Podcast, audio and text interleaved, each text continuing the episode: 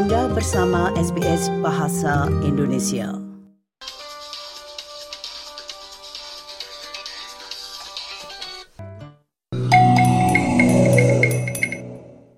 SBS. SBS. SBS. SBS. SBS SBS Radio.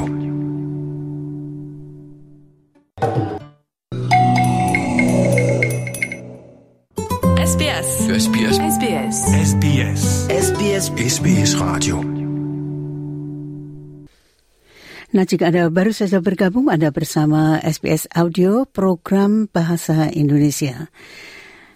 Nah, rupanya tamu kami untuk siang hari ini sudah berada di jalur, jadi saya akan segera bergabung dengan beliau, yaitu Dr. Paul Thomas dari Universitas Monash. Selamat siang, Pak Paul, dan selamat tahun baru. Ah, selamat tahun baru Bu Sri. Dan untuk tahun ini saya sudah pindah ke, Ke- Universitas Deakin. Jadi ini biar lari ke sana kemari ya. Tidak Ya, apa-apa. betul. Sebetulnya eh, tadi kami sudah berhasil menghubungi Dr. Priambudi, tapi rupanya sambungannya eh, terputus, jadi kita akan menyambung kembali. Apa Paul, hari Australia yang jatuh pada tanggal 26 Januari itu sudah menjelang. Nah, mengingat adanya beberapa pendapat mengenai hari ini karena kelompok masyarakat pada umumnya mengatakan bahwa 26 Januari adalah hari Australia namun bagi penduduk pribumi dapat dikatakan hari yang kurang menyenangkan bagi mereka hari berkabung atau hari invasi begitu. Jadi bagi kami-kami yang merupakan masyarakat migran atau orang Australia yang bukan lahir di sini, itu bagaimana seharusnya atau sebaiknya kita menyikapi hal tersebut? Untuk Hari Australia sudah jelas tidak menjadi hari peringatan yang menyatukan satu bangsa ya. Karena sudah jelas ada perselisihan antara yang mau menerima tanggal 26 Januari sebagai hari kebangsaan Australia, ada yang menolaknya atau tidak bisa menerimanya. Sudah dijelaskan bahwa untuk banyak suku bangsa asli, mereka merasa tersinggung, menyakit hati mereka karena tanggal 26 Januari 1788 berhubungan dengan mulainya jajahan Inggris waktu Inggris mulai menduduki tanah mereka. Jadi memang agak sulit. Juga untuk yang lain ada banyak yang bingung mengapa 26 uh, Januari dipilih karena dari segi sejarah Eropa kurang jelas juga artinya. Apakah Bu Sri sendiri tahu apa yang terjadi pada tanggal 26 Januari? Yaitu datangnya kapal Inggris ke Australia itu. Nah, Ya, tapi bukan. Memang banyak menjawab seperti itu. Walaupun itu salah. Maaf, ini ini bukan kesalahan Bu Sri, tapi memang kami Sejarah. kurang belajar sejarahnya dan sampai Perdana Menteri dulu, maksudnya Perdana Menteri Morrison juga agak keliru tentang tanggalnya. Kalau mau tanggal ketibaan Armada pertama itu tanggal 20 Januari dan bukan di pelabuhan Sydney uh, melainkan di Teluk Botany. Ini soal kecil ya dibandingkan dengan apa perasaan suku bangsa asli terhadap tanggal ini, tetapi agak aneh orang yang mau tahan tanggal itu sering kurang memahami sejarahnya, belum pasti apa yang betul-betul terjadi pada tanggal 26. Ya, sebentar Pak Paul. Ini kalau saya tidak keliru, ini Dr. Priyambudi Sulisyanto sudah berada di jalur itu. Selamat siang, Dr. Budi. Ah, rupanya. eh, Mungkin Dr. Salut ini. Selamat siang, Dr. Salut Muhyiddin. Selamat siang Ibu Sri. Kami telisiban, Bapak. Maksudnya telisiban itu, kami sudah mendapatkan Dr. Budi tadi, tapi sambungannya ya. terputus. Iya. Jadi mungkin saya perkenalkan kembali Dr. Salut Muhyiddin dari Universitas Macquarie sebetulnya dari Fakultas Bisnis ya Bapak ya, tapi Enggak, ya, saya sudah sudah. pindah dengan Monash sekarang. Oh, Pak Salut justru pindah dengan Monash sekarang. Ya, Monash Indigenous Study Center. Loh, saya Bukan, Bu, Bu Sri bicara dengan yang lain, bukan dengan saya. Oh, mohon maaf. Ini saya menyambungnya eh, konslet semua ini. Oke, yang nggak apa-apa. Saya Budi. Bu. Ya, ya, makanya itu yang pindah ke Monash itu Pak Budi. Ya, itu nanti diskusi yang lain. Iya. Untuk Ya, ya. untuk riset Makassar Marike. Jadi sekali lagi semuanya sudah Tapi berada saya di tetap di Adelaide. Iya. Saya cuma tiga hari Iya. dengan Monash. karena semuanya sudah berada di jalur, jadi saya akan luruskan ini. Iya. Monggo, di, monggo. iya, di satu pihak Dr. Paul Thomas itu dari Deakin dan Dr. Salut Muhyiddin dari Universitas Macquarie eh, jurusan Business School. di business school, tetapi mengenai kependudukan itu. Demografi, betul ya. ya kepakarannya. Nah, untuk Dr. Priyambudi Sulistianto memang tadinya Ya. di Adelaide tapi sudah pindah ke Monash yaitu untuk studi indigenous. Hubungan Makassar dengan Indigenous Australia. Iya, mungkin saya ulangi ya, saya ulangi secara ringkas itu tadi sebetulnya Pak Paul juga sudah menjelaskan bahwa sebetulnya kalau kita lihat tanggal 26 yang saat ini dianggap sebagai hari Australia itu ini kurang tepat juga karena nanti Pak Paul dapat mengulangi itu alasannya tetapi yang saya ingin ajukan di sini untuk Bapak-bapak ulas nantinya itu adalah mengingat atau adanya perbedaan pendapat bahwa kelompok pribumi menganggap Ya. tanggal 26 itu adalah hari invasi atau hari bergabung atau hari survival sedangkan bagi rakyat yang lain itu kami semua sering menganggapnya sebagai hari Australia. Nah, Mhm. jadi bagaimana kami-kami yang datang dari negara selain negara Australia ini yang datang ke Australia dan berdomisili di sini itu bagaimana kami ini harus menyikapi Hari Australia tersebut atau bagaimana kami harus merayakannya atau memperingatinya itu. Pak Paul mungkin dapat diulangi lagi yaitu penjelasan tentang bahwa sebetulnya bukan tanggal 26 kedatangan armada Inggris untuk pertama kalinya tetapi silakan Pak Paul. Oke ya, memang untuk bangsa Australia yang mau menahan tanggal 26 ada persoalan karena mereka sering keliru tentang sejarah yang ada di belakang tanggal 26 itu. Maksud saya keliru, mereka kira itu tanggal armada pertama dari Inggris tiba di Australia, tetapi itu memang keliru. Tanggal armada pertama sampai di Australia itu tanggal 20 Januari dan itu di Teluk Botany. Seharusnya ini jadi merupakan soal kecil saja, tetapi karena mereka betul-betul mau tahan tanggal 26 walaupun ada bangsa Australia yang lain terasa tersinggung, saya kira lebih baik secara secara itu di, Luruskan. dibahas atau dijelaskan. Nah, sekarang masalahnya begini. Memang pergantian tanggal itu kan juga sudah sering diperdebatkan itu. Nah, tapi menurut saya karena adanya perbedaan tanggal itu, apakah seharusnya hal itu dikaji kembali seperti saran Pak Pol itu? Mungkin Pak Budi dapat menjelaskan ini. Oh, saya duluan ya. Kalau Silakan. pendapat saya mungkin agak berbeda. Saya justru mengatakan dan bukti-bukti arkeologi sejarah hubungan antara orang Yonglu dengan orang pelaut-pelaut Makassar itu jauh lebih panjang ketimbang sejarah resmi Australia. Yaitu adalah orang Makassar, pelaut Makassar yang bertemu pertama kali mungkin mulai sejak abad 16 sampai 17 sebelum orang-orang Eropa.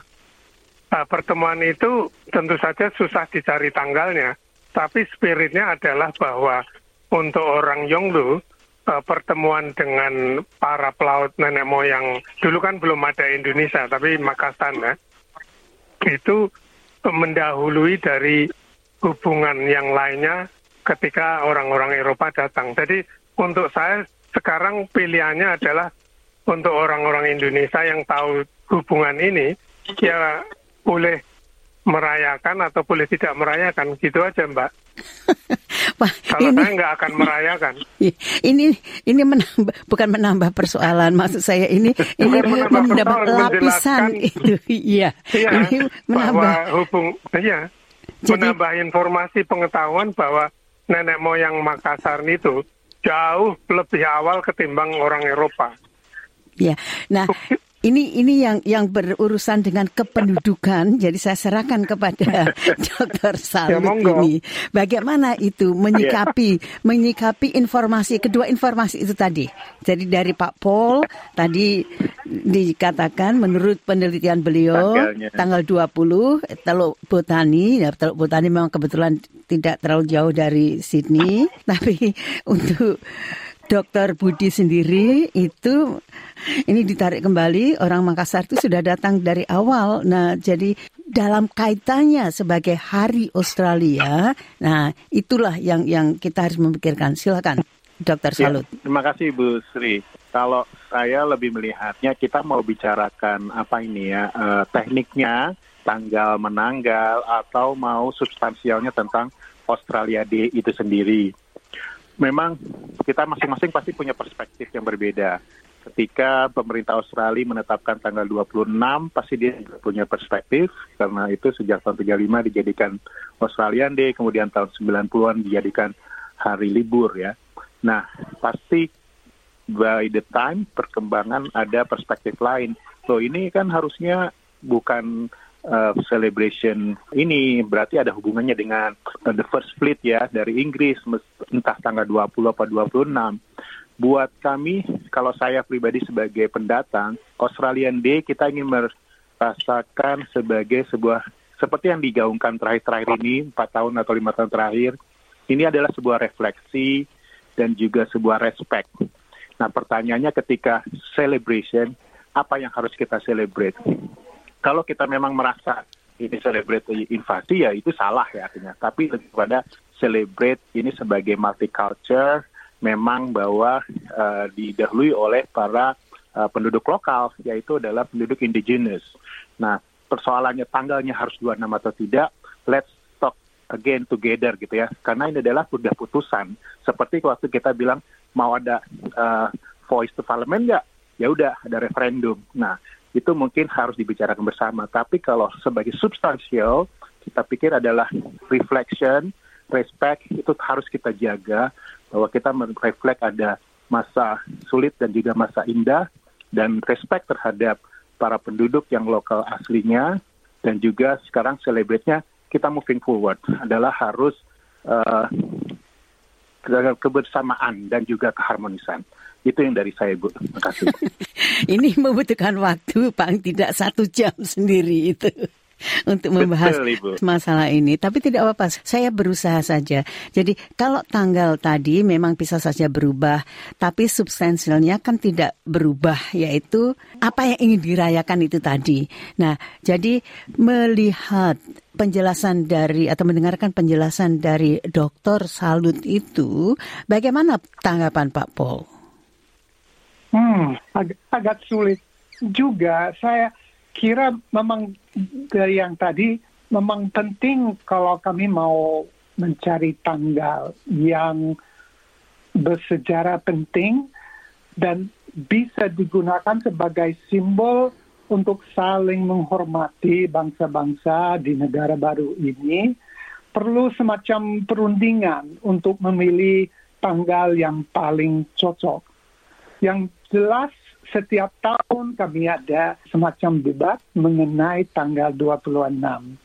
Ah, dan 26 Januari itu tidak dipilih dengan seksama ya, tidak ada pemungutan suara, tidak ada pembahasan antara bangsa Australia untuk memilih tanggal paling cocok. Itu itu sesuatu yang terjadi saja. Dan paling penting kalau kita mau simbol sejarah itu memang harus mencerminkan usaha untuk uh, semuanya saling menghormati, saling menerima kebudayaan yang beraneka ragam di negara ini. Berarti Bapak mengajukan itu tadi konsep multikultural itu tadi mengandung konsep itu. Tidak apa-apa, nanti kita test out atau kita jabarkan pelan-pelan. Nah, bagaimana dengan Dr. Budi tanggapannya? Tanggapan saya sebetulnya saya menghormati Mas Salu dan Pak Pol, tetapi pendapat saya juga berdasarkan riset dan berdasarkan kunjungan saya sendiri ke Anem Land, ikut festival Gama, festival indigenous itu ya, dan juga kunjungan saya berkali-kali ke Makassar, uh, terutama di um, bertemu dengan orang-orang yang melakukan studi ini.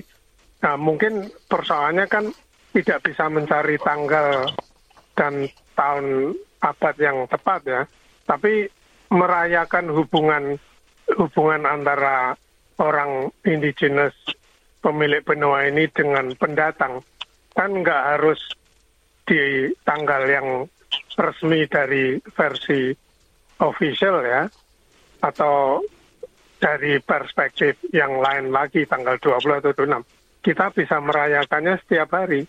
Nah, pertanyaannya kemudian pilihan saya bagaimana? Saya pilihan saya untuk tanggal itu saya nggak akan merayakan, tetapi di waktu-waktu yang lain saya merayakan terus karena saya sekarang bekerja di Monash Indigenous Centers dan di mana di situ interaksi saya dengan dan pengetahuan saya tentang hubungan lama yaitu hubungan antara para nenek moyang pelaut Makassar dengan orang Yonglu itu sudah terbukti lah secara saintifik.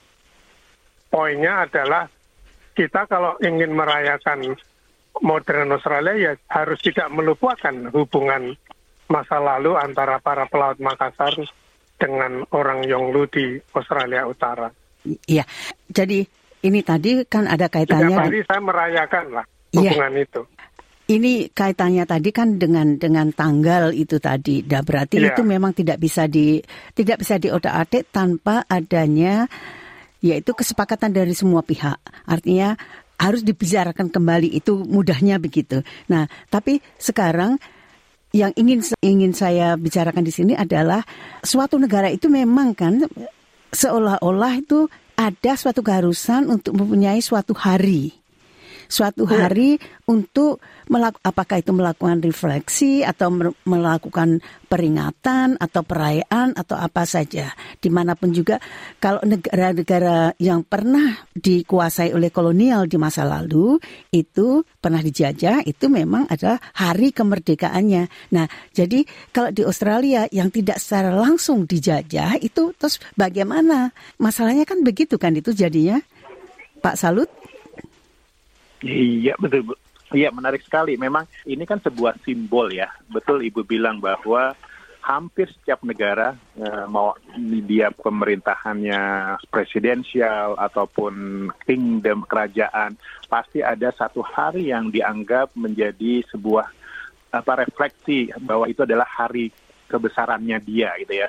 Kalau Ibu bilang tadi Indonesia misalnya 17 Agustus karena Independence Day. Pertanyaannya Australia yang mana ini yang paling pas gitu ya. Kalau bicara tadi Pak Paul bilang tanggal 26 itu nggak ada yang milih itu tiba-tiba ditetapkan oleh pemerintah gitu ya. Nah, kalau memang mau kembali lagi kita sepakat bahwa harus ada hari yang simbolize untuk perayaan secara bersama sebagai Hari Australian Day. Pertanyaannya adalah tanggal berapa? Itu yang mungkin harus dibicarakan secara bersama. Saya setuju, itu harus ada suatu hari yang momentum untuk semua orang. Nah, sambil menunggu, masalahnya begini, kita kan tidak bisa ini terus tidak ada apa-apa seolah-olah begitu orang akan akan bingung. Masa toh dalam satu tahun ini kita tidak merayakan sesuatu atau memperingati sesuatu yang tentang keberadaan negara Australia. Nah, berarti kan harus ada suatu sikap atau suatu tindakan sambil menunggu adanya suatu kepastian apakah yang terkait dengan tanggal itu. Jadi bagaimana ini Pak Pol seharusnya? Maksudnya bagaimana bisa sampai mendapat pilihan yang cocok gitu. Eh, iya, boleh juga. Uh, maksud saya itu berarti kan kita kan tidak bisa terus berdiam diri. Ah, karena nanti kalau kita merayakan hari ini akan menyakiti kelompok penduduk pribumi misalnya. Tapi kalau tidak, nanti ini begini, itu begitu. Nah, terus pemerintah kan harus menentukan sikap juga itu. Artinya itu bagaimana kita selanjutnya akan merayakan atau memperingati Hari Australia itu dan kapan? Jangan terpaku tanggal lagi. Ya, kita tidak bisa mengabaikan perasaan ya suku bangsa asli atau orang yang tidak setuju juga tidak bisa mengabaikan yang setuju yang masih mau tahan 26 itu yang jelas itu belum matang mungkin Australia sebagai negara merdeka sudah matang dari segi ekonomi, dari uh, segi pemerintahannya, tetapi belum dari segi kebudayaan.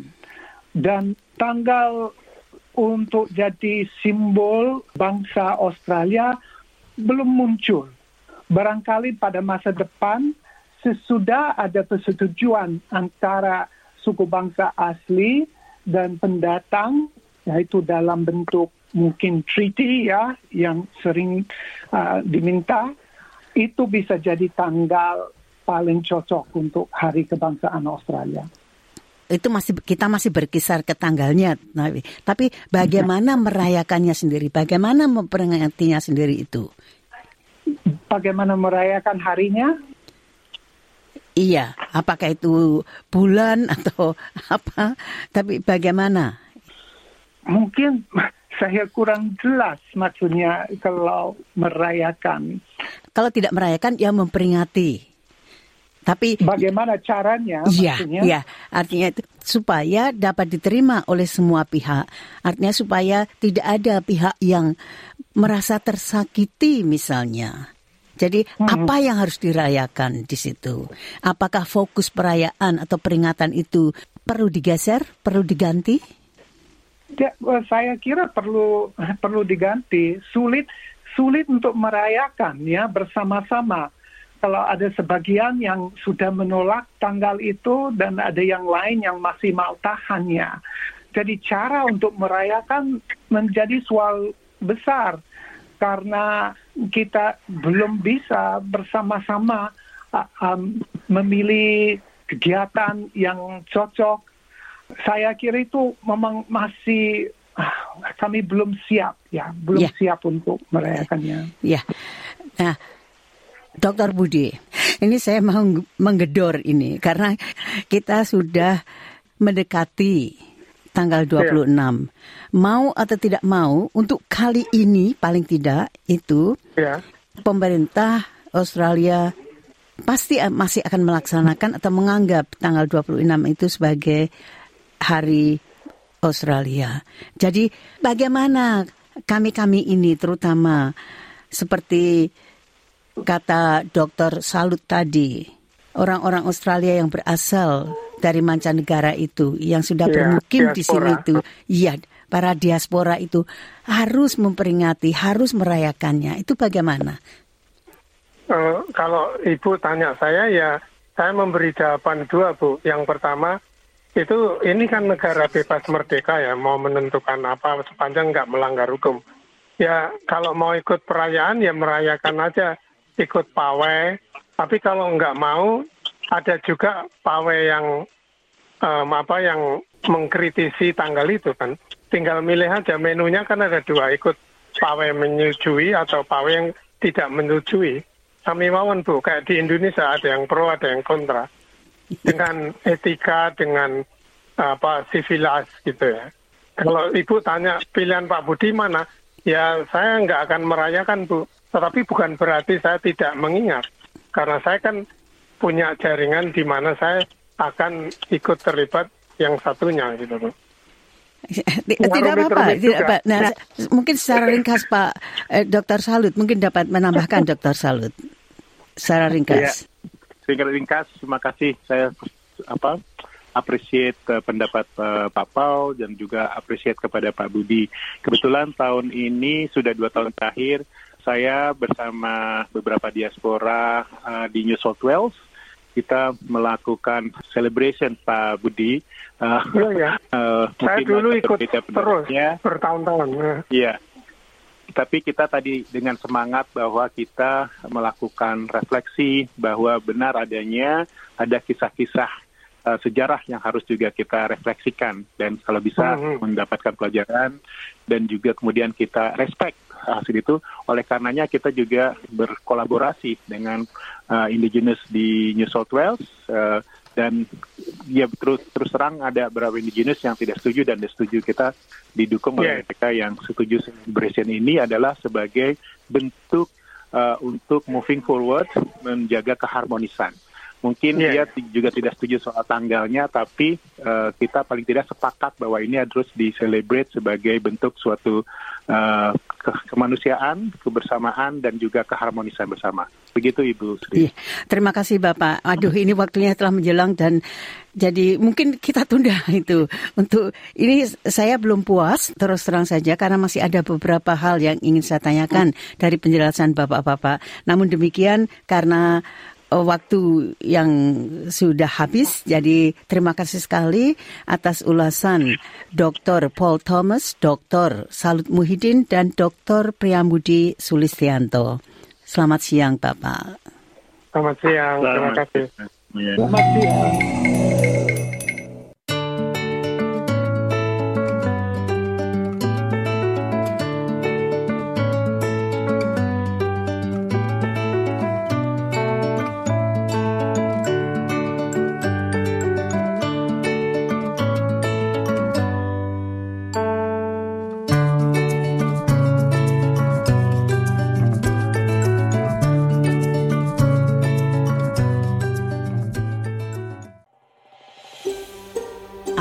Mendengar cerita-cerita seperti ini?